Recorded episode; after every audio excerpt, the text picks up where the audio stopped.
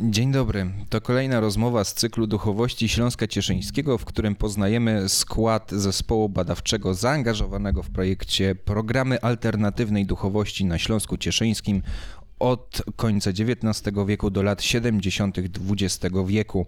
Ja nazywam się Paweł Mirowski i dzisiaj rozmawiam z dr Anną Olszewską z Wydziału Humanistycznego Akademii Górniczo-Hutniczej. Dzień dobry, Anno. Dzień dobry, dzień dobry.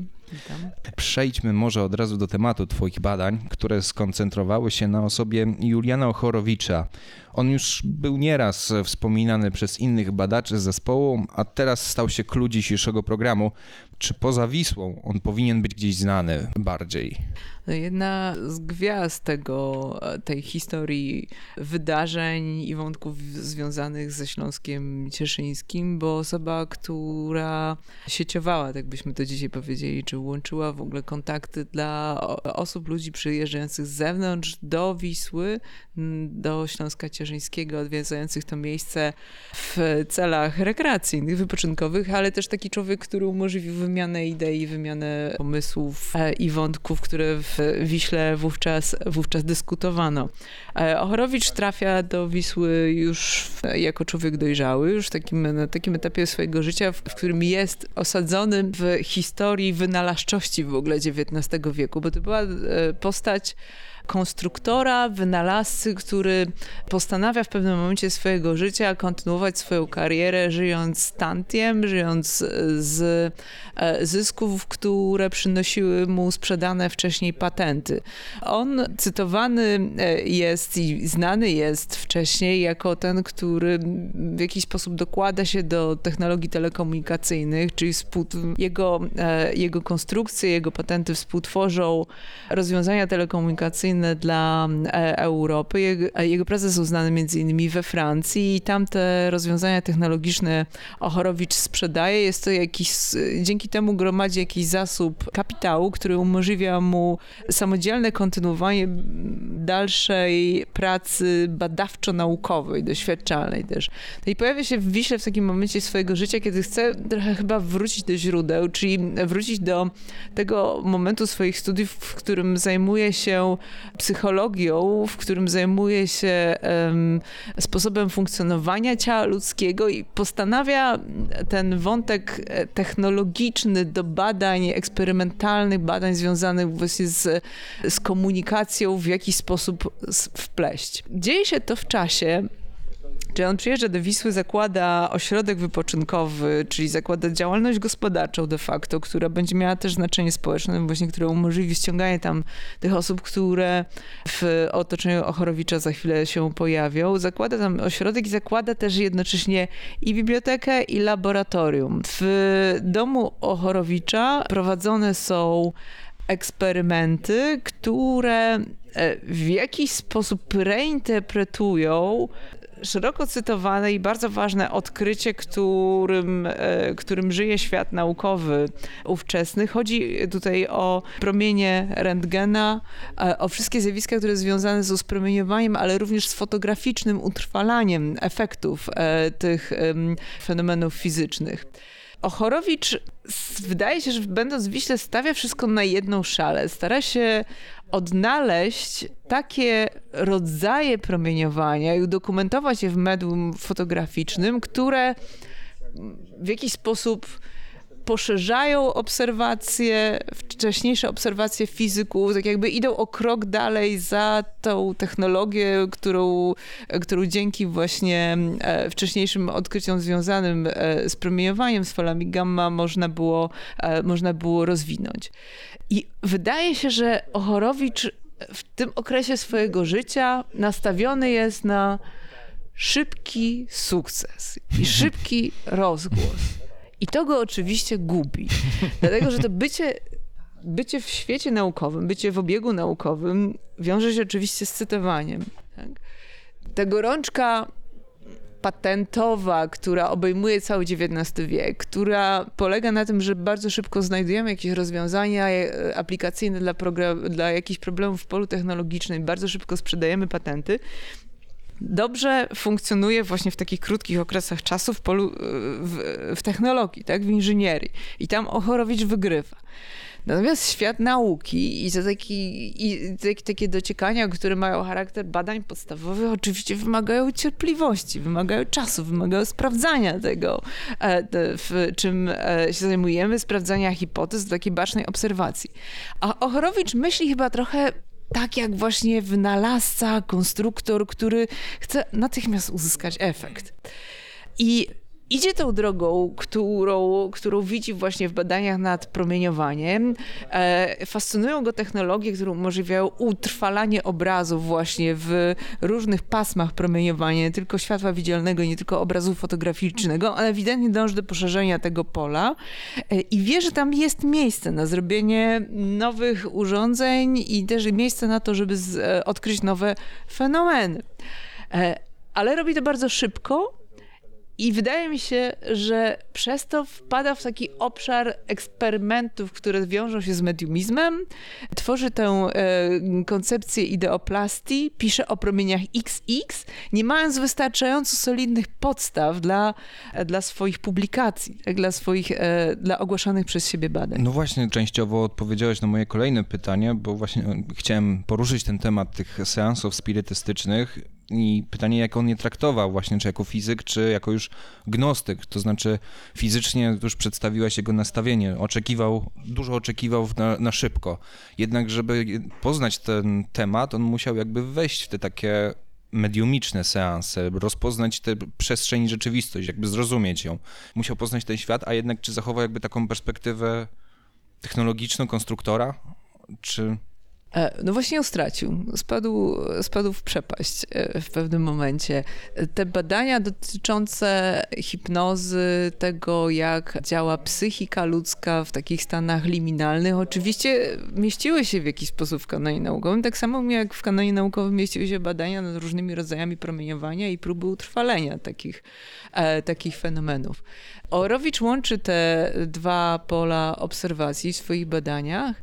E, ale jednocześnie decyduje się na tworzenie e, takiej opowieści, e, która bardzo szybko wytłumaczy efekty pojawiające się gdzieś tam na obrzeżach dyskursu naukowego, tak? Czyli on, on dzisiaj byśmy powiedzieli, że może były to badania o charakterze queerowym, tak? Czyli on stał to spoza głównego nurtu, spoza, gdzieś był w tym polu obserwacji ustawiony właśnie w, takim, w takich obszarach granicznych, tak? Nie wiemy, czym to jest, będziemy, będziemy te fenomeny śledzić i jednocześnie, e, jednocześnie szybko dwa osobne zjawiska ze sobą, ze sobą zaczął łączyć. Co skończyło się katastrofą, ale on przez cały ten czas nie rezygnował z takiej narracji pozytywistycznej, naukowej, czy on zawsze o siebie w tych tekstach, które wówczas publikuje, stara się przedstawić siebie jako e, uczonego, eksperymentatora, który powtarza swoje badania, który notuje, e, notuje wyniki.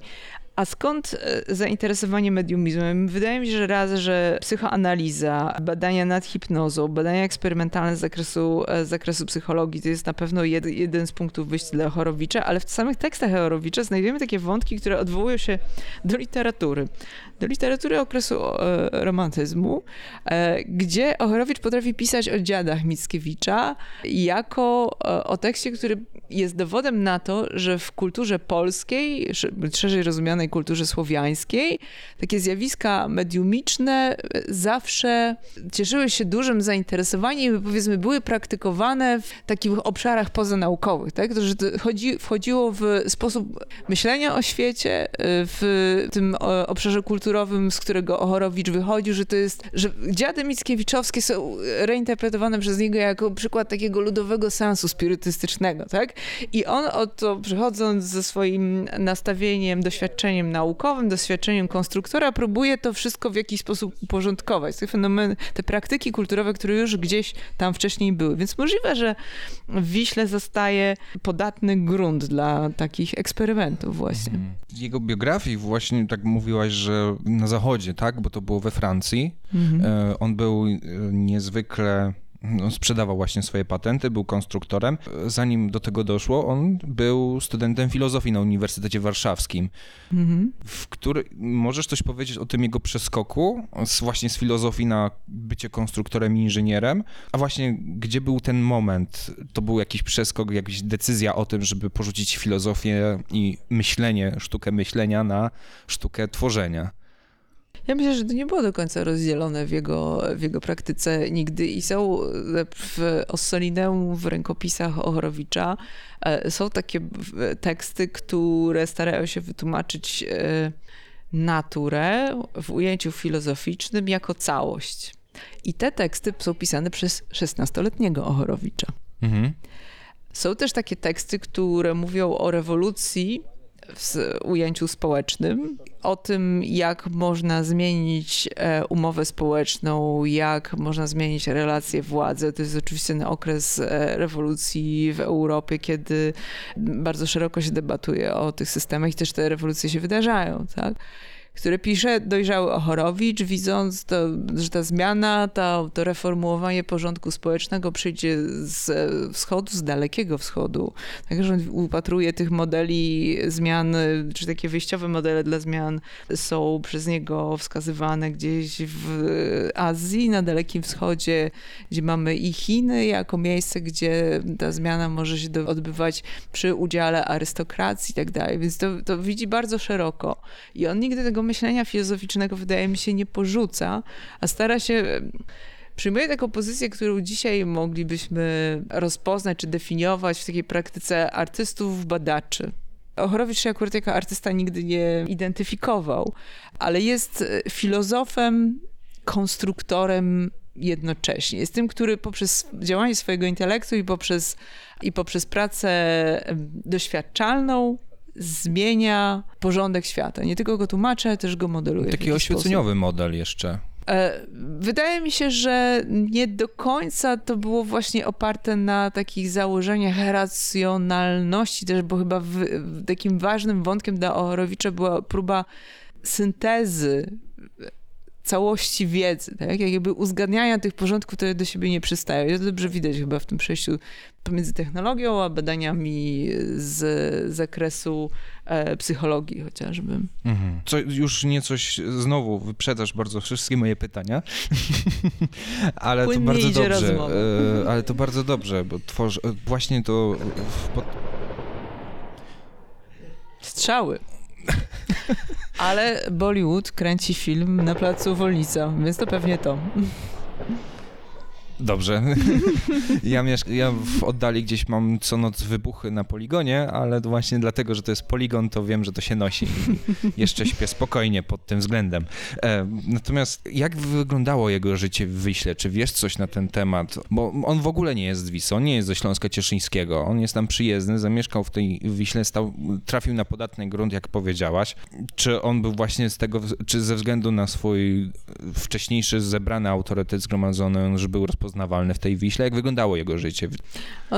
Nie znam, nie badałam tych wątków jeszcze dokładnie i tak relacje z lokalną społecznością w Wiśle nie są przeze mnie jeszcze rozpoznane. Ja trafiłam na jeden taki tekst, który jest tekstem wspomnieniowym o Ochorowiczu. Jest napisany przez człowieka, który w czasie, kiedy Ochorowicz w Wiśle jest, ma kilkanaście lat, potem staje się nauczycielem miejscowym i widzi też, jak to miejsce, które Ochorowicz w Wiśle tworzy, jak, ulega, jak to miejsce ulega degradacji, co się dzieje po wyjeździe Ochorowicza i on go wspomina. Więc w tym tekście e, poświęconym Ochorowiczowi widać taką, z tego wyłania się obraz takiego człowieka, e, który przyjeżdża z dalekiego świata, może nawet nie z wielkiego świata, ale z dalekiego świata, o którym niewiele wiadomo który w tej społeczności lokalnej zapisuje się pozytywnie chyba w pamięci tych, którzy byli którzy chętnie podejmowali jakąś inicjatywę związaną z e, rozwojem czy przekształcaniem Wisły w miejsce uzdrowiskowe, tak? Wszyscy ci, którym zależało na tym, żeby do Wisły ktoś przyjeżdżał, żeby Wisła funkcjonowała jako miejsce wypoczynkowe, letniskowe, to, to, to by, powiedzmy, to była wspólnota interesów z Ochorowiczem. Ochorowicz za, zakładając tam swój ośrodek wypoczynkowy, no działa trochę jak, trochę tak jak lokalny przedsiębiorca, może nie deweloper, no ale to ktoś, kto po prostu w jakiś sposób a, a, no ma znaczenie dla lokalnej ekonomii też, dla lokalnej, dla lokalnej gospodarki. Jest odczytywany właśnie jako człowiek z inicjatywą, który potrafi organizować swoje otoczenie. Zakłada w Wiśle i cegielnię, która jest zbudowana po to, żeby dostarczać materiału dla domów letniskowych, dla miejsc, które on e, konstruuje. E, zmienia w jakiś sposób być może też e, stosunki społeczne, no, wprowadzając taką ideę e, wspólnej, wspólnej pracy, zorganizowanej, zorganizowanych przedsięwzięć, które mają na jakieś założenia, jakieś cele ekonomiczne, a potem z tej, jak z tej Wisły znika, to e, jego pracownia, jego dom, które były takim miejscem, do którego ktoś z Wisły chętnie mógł przyjść po to, żeby zobaczyć, jak ten osobny świat tego dziwnego człowieka właśnie, gdyby przy, imigrował tutaj z daleka, jak ten świat wygląda, to miejsce powoli niszczeje, tak? Księgozbiór u- ulega e, rozproszeniu, degradacji, tak jak w tym opisie czytamy, wszystkie szklane naczynia zgromadzone w laboratorium Ochorowicza są powoli rozbijane, gubione. To wszystko osiada gdzieś w takim naturalnym zapomnieniu, tak jakby wracają pasterze, Wisła, góry zjadają tę enklawę, którą Ochorowicz tworzy. Nie było to chyba miejsce, które miało charakter, nie wiem, takiego laboratorium badawczego, gdzie cały zespół uczonych pracuje, współpracuje ze sobą. Orowicz był samotny w tej Wiśle też ze swoimi działaniami. Pustelnia, Mhm. taka w górach. Skup, skoncentrujmy się teraz na twojej działalności, już nie na samym Julianie. E, Jakie postawiłaś sobie cele i zadania, biorąc właśnie, że ja zdecyduję się zabrać za Juliana Ochorowicza? Znaczy, powód ku temu jest bardzo prozaiczny. Przy podziale prac nad tymi historiami Śląska Cieszyńskiego, z czego się bardzo cieszę, dostałam propozycję analizo- przeanalizowania, tak jakby zagłębienia się w historię człowieka, który e, jest e, związany z e, opowieściami o tym, jak toczą się dzieje technologii, jak rozwija się w XIX wieku nauka w specyficznym wymiarze, tak? Właśnie takich prywatnych doświadczeń.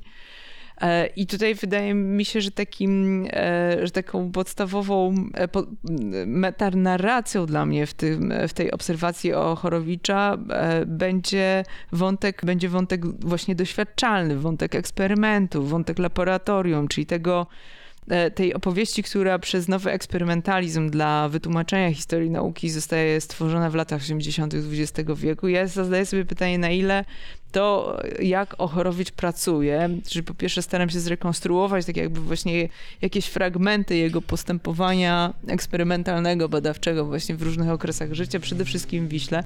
Na ile to, jak Ochorowicz e, pracuje w tamtym czasie, pasuje czy wpisuje się w rygor e, badań eksperymentalnych, które wówczas uprawiano. Tak? Czyli na, abstrahując już od samego tematu, którym on się zajmuje, pytam o to, jak to robienie kolejnych teorii, jak to robienie nauki w daniu Juliana Ochorowicza wówczas wyglądało. Pierwsze wrażenia, o których mówiłam tutaj w tej rozmowie z tobą na początku, są takie, że, że Ochorowicz po prostu starał się skrócić tę drogę w jakiś sposób. Zabrakło mu cierpliwości, a może też sfrustrowany takim takim brakiem akceptacji w tym e, środowisku naukowym, które zajęte jest w zasadzie dyskutowaniem paradygmatów, dodawaniem, e, dodawaniem kolejnych argumentów w takiej złożonej, długotrwającej debacie naukowej, że, że on chciał bardzo przyspieszyć, chciał osiągnąć, osiągnąć swoje cele teraz i natychmiast skończyło się to porażką. W ramach poznawania tego jego procesu musiałeś gdzieś szukać jakichś dodatkowych informacji. Z tego co wiem, już odbyłaś jakieś parę wyjazdów. Co możesz o nich powiedzieć? E, Przede wszystkim przyglądam się zbiorom Ochorowicza zgromadzonym w Ossolinę. E, To jest Wrocław i rękopis Juliana Ochorowicza w Bibliotece Uniwersyteckiej, gdzie mamy bardzo mm, szeroki zasób jego prac, zarówno tych wczesnych, e, z lat młodzieńczych znowu strzelają. Danger Zone. z lat młodzieńczych, jak i takich, jak i rękopisów późniejszych. Jest tam też bardzo ciekawy zbiór, niewielki, ale ciekawy zasób fotografii, które mają charakter dokumentacji też badania Ochorowicza gdzie próbuje pokazać nam właśnie medium fotograficznym, dać dowody wizualne na istnienie promieni XX i e, wsparcie swojej tego konceptu ideoplastii, nad którym pracuję. Więc to są, to są dla mnie wyjściowe zbiory i te mnie interesują. Po wizycie, którą odbyliśmy zresztą razem w Wiśle, no tak. wiem, że w zasadzie nie mamy czego tam szukać w takiej przestrzeni realnej, że te pozostałości to, ta rekonstrukcja doświadczeń Ochorowicza będzie się opierała przede wszystkim o tekst, o rękopisy. No i tak już ostatnie pytanie w dzisiejszej rozmowie. Co na chwilę obecną udało ci się ustalić do tej pory? Mówiłaś w ogóle też o udowadnianiu tej ideoplastii i możliwości badania świata metafizycznego i powiedziałaś, że niestety kończy się to porażką. Tak, to jest dyskusyjne, dlatego że dorobek Ochorowicza jest różnie oceniany przez badaczy i postawienie takiej no, mocnej tezy może wywołać kontrowersje. Ja patrzę na to od strony historii nauki w takiej warstwie społecznej, w obiegu społecznym, też w obiegu powiedzmy samej akademii, samych społeczności, które się określonymi dziedzinami, zagadnieniami zajmowały. I tutaj, jeżeli weźmiemy sobie na warsztat przykład, o którym mówiliśmy, to jak zajrzymy, jakby zaczniemy śledzić e, historię tego odkrycia promieni sztywnych, promieni XX i sięgniemy chociażby do prac pierwszego zjazdu neurologów i psychiatrów, psychologów polskich, który odbył się w Warszawie w 1909 roku, to tam trafimy na taki zapis dyskusji, która odbyła się po prezentacji Ochorowicza. On wówczas przedstawił właśnie swoje badania nad tym zjawiskiem. I wywołał krótką, ale wydaje mi się znaczącą właśnie w kontekście tej oceny wymianę zdań. Pozwól, że zacytuję, mhm. zacytuję fragment, mam przy sobie tekst. W trakcie dyskusji profesor Heinrich z Warszawy rozpoczął od e, tego, że oświadczył, że zabiera e, głos, aby przemówić w kwestii formalnej, a nie merytorycznej. Zaczynał od uwag ogólnych i stwierdził, że wiadomo wszystkim, iż dążeniem każdego badacza jest uniezależnienie swej osoby w, od stwierdzanych przez siebie faktów. Każdy stwierdziwszy istnienie nowych faktów, podaje dokładnie warunki, w jakich były otrzymane, pragnie, aby mogły one być stwierdzone przez innych. Dopiero fakt stwierdzony przez szeregi badaczy staje się stałym dobytkiem nauki, tak e, powiedział profesor Heinrich. I tutaj z racji tego, tej wyjątkowości, zjawiska, którą cały czas podkreślał Ochorowicz, kontynuował w następnych zdaniach. Jeżeli teraz zapytamy, jak odnieść się do podanych przez doktora Chorowicza faktów, to, stwierdzenie na, to stwierdzić należy, iż warunkom tym nie odpowiadają one zupełnie, ponieważ dalej wszelka dyskusja naukowa możliwa jest tylko wtedy, gdy różnorodni, cytuję, e, badacze tego samego przedmiotu mogą wymieniać wyniki swych e, obserwacji, a wynik dyskusji ma służyć do dokładniejszego ustalenia badanych objawów i tak. Więc tutaj sięgamy do takiego podstawowego trybu dyskusji, dyskusji dyskusji naukowej, gdzie mamy obserwacje określonych zjawisk i kwestie ich potwierdzenia, kwestie replikacji tych badań.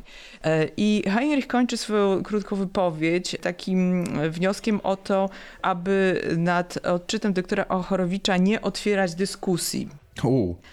Więc było to dość, e, dość mocne stwierdzenie i potem następuje bardzo krótka wymiana zdań. Też pozwólcie, że przeczytam e, fragmenty. Profesor Twardowski z Lwowa e, proponuje wysadzenie komisji, która podjęłaby się sprawdzenia przedstawionych faktów. Odpowiedź Ochorowicza.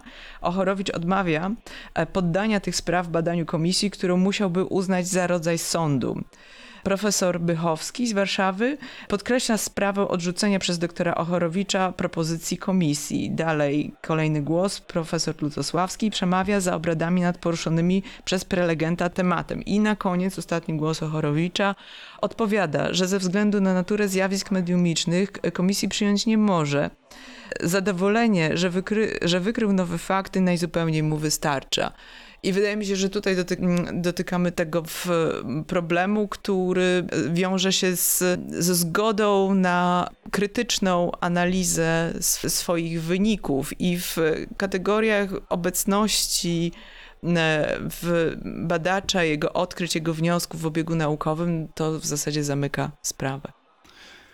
Wow, a, więc właściwie został storpedowany tutaj, jak tu powiedziałaś, ale no to pomimo tego ta legenda została. On jest w Wiśle, ma własne muzeum, jest przedstawiona jego kolekcja i też w ogóle całe to towarzystwo polskie też odwołuje się do jego prac.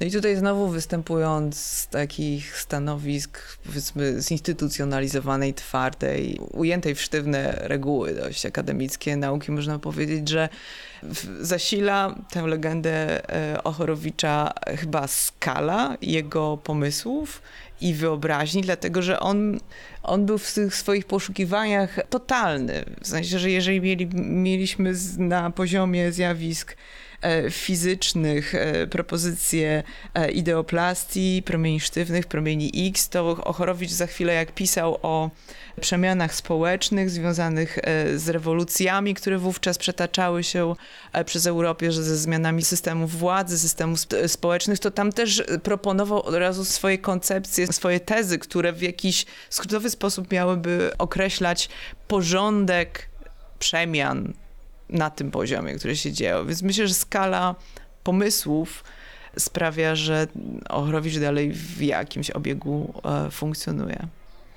Na zakończenie, jeżeli chodzi o spotkanie światów, jest takie piękne zdjęcie w tych archiwum, są takie dwa piękne zdjęcia ze seansu spirytystycznego chyba z Rzymu, gdzie przy stole siedzi medium, a wśród gości zgromadzonych wokół stołu stoi kobieta podparta pod boki i z takim wyraźnie w, sceptycznym e, grymasem przygląda się całej scenie Maria Skłodowska.